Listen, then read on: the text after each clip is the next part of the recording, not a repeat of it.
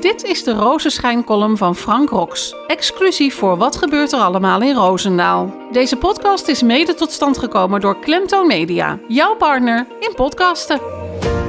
Hoi hoi hoi, hier zijn we weer met de Rozenschijn weekkolom. Alweer nummer 12, zondag 27 december 2020, oftewel de derde kerstdag. Titel van de week is Strijden. Eenzaamheid, dat is eigenlijk een heel apart dingetje wat ik uit een ver verleden goed kende, maar zelf nooit als een probleem zag. Integendeel, ik kon en ik kan nog heel goed zonder mensen om me heen. Ik kan goed alleen zijn. Lekker rustig.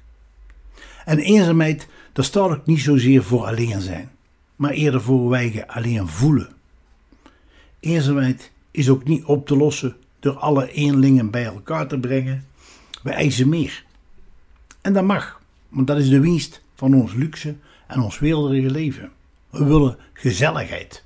En gezelligheid, dat groeit niet enkel mee aanwezig zijn van mensen, maar meer nog met elkaar willen en elkaar kunnen velen. Daar zijn geen recepten voor. Dat vult iedereen op zijn eigen manier in. En vooral met kerst, dan hebben we het over samen zijn en samenbrengen. Maar geldt dat niet gewoon voor iedere dag van het jaar en iedere dag van de week?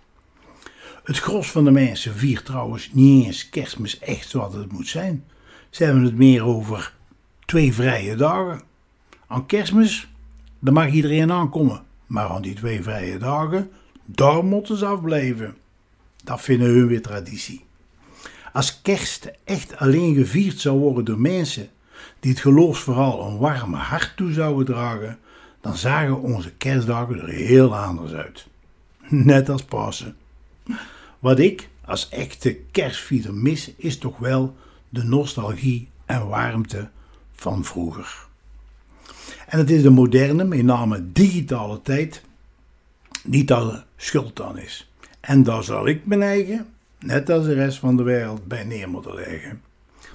Punt is dat we geen gedachten meer hoeven te verzetten. Want via wifi en onze smartphones hebben we de wereld van nou, van morgen en heel de geschiedenis eromheen zo binnen handbereik. Dat geeft op het eerste gezicht veel gemak, maar dat heeft ook zijn negatieve kanten. Vooral op onze emotionele en nostalgisch gevoel. Feit is dat we overal, alle minuut, over elke parate kennis kunnen beschikken. Gedenk dan iets, je zoekt het op en ga het gelijk. Neem nou bijvoorbeeld muziek. Wie nou een deuntje hoort, die pakt zijn telefoon, klikt even op Shazam, houdt hem in de lucht, even luisteren en gelijk staat er de titel, wie het zingt en elke gegeven over het nummer. Uit welk jaar, op welke plek in de top 40. Hoeft er niet meer over na te denken. Dat was vroeger anders.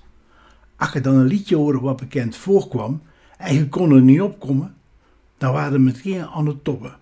Hoe heette dat plaatje ook alweer? Van wie was het en welk jaar?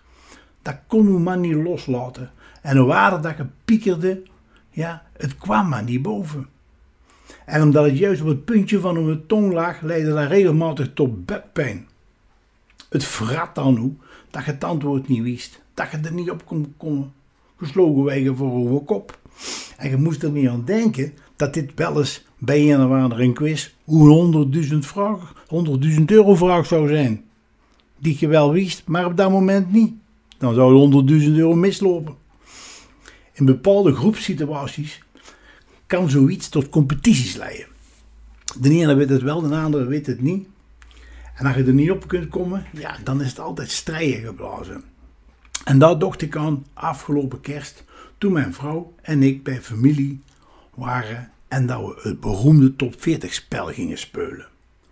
Zalig met al die oh ja vragen en al die liedjes die weer voorbij kwamen uit de jaren 60, 70, 80 en 90. Urenlang kwamen we al dobbelend en schuivend tal van muziekhits tegen uit onze verledens, waarbij we regelmatig verzwolgen in bekende liedjes die niet op de kaartjes stonden. Ja, en dan waren het altijd weer welk liedje was dat? Maar terwijl ik juist zalig vind om mijn hersens met ongrijpbare melodiekjes te pijnigen, greep mijn broer steeds meteen naar zijn mobieltje om het aan Google te vragen. Zo verkortte hij niet alleen een boel gis- en denkwerk, maar werden ook onze traditionele meningsverschillen snel in de kiem gesmoord. Ja, daar ging er vroeger heel anders aan toe. Want als ik door mijn levensgeschiedenis blader, dan kom ik bij familie en vrienden heel wat legendarische strijdmomenten tegen. Dat zijn momenten die draaien om het werkwoord strijden.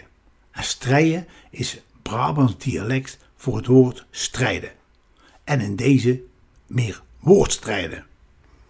Eigenlijk ging er, ging er nooit een feest of welke bierbijeenkomst voorbij zonder geschillen over de meest uiteenlopende onderwerpen. Er waren soms verhitte battles van wijs tegen eigenwijs. Of andersom. Of twee keer eigenwijs. Dan kon het hem speren. En dan ging het vaak om nietige dingen. Ja, reken maar dat het hoog kon oplopen. Tot aanpakkers toe. Zulke twee twistdiscussies konden verregaande gevolgen hebben, waardoor mensen soms tijden niet meer met elkaar gesproken. Wat dat betreft heeft de acute feitenmachine van scherprechter Google een boel onnodige vetens voorkomen. En is ze grotendeels ook verantwoordelijk voor het dreigend uitsterven van het aloude strijden. Ja, de strijden, daar paste er toch wel bij, vond ik. Want nou heeft niet de ene of de andere partij gelijk, maar de smartphone. En met al die antwoorden, alle seconden, krijgt ook niemand meer onnodig lichamelijke klachten. Persoonlijk vind ik dat deze verfijnde zoekmachine bepaalde avonden een stuk vlakker maakt. En dat het ten koste gaat van een competitief stukje familie en vriendenvermaak. Wat dat betreft, ja, dan mis ik die momenten wel. Dat was het.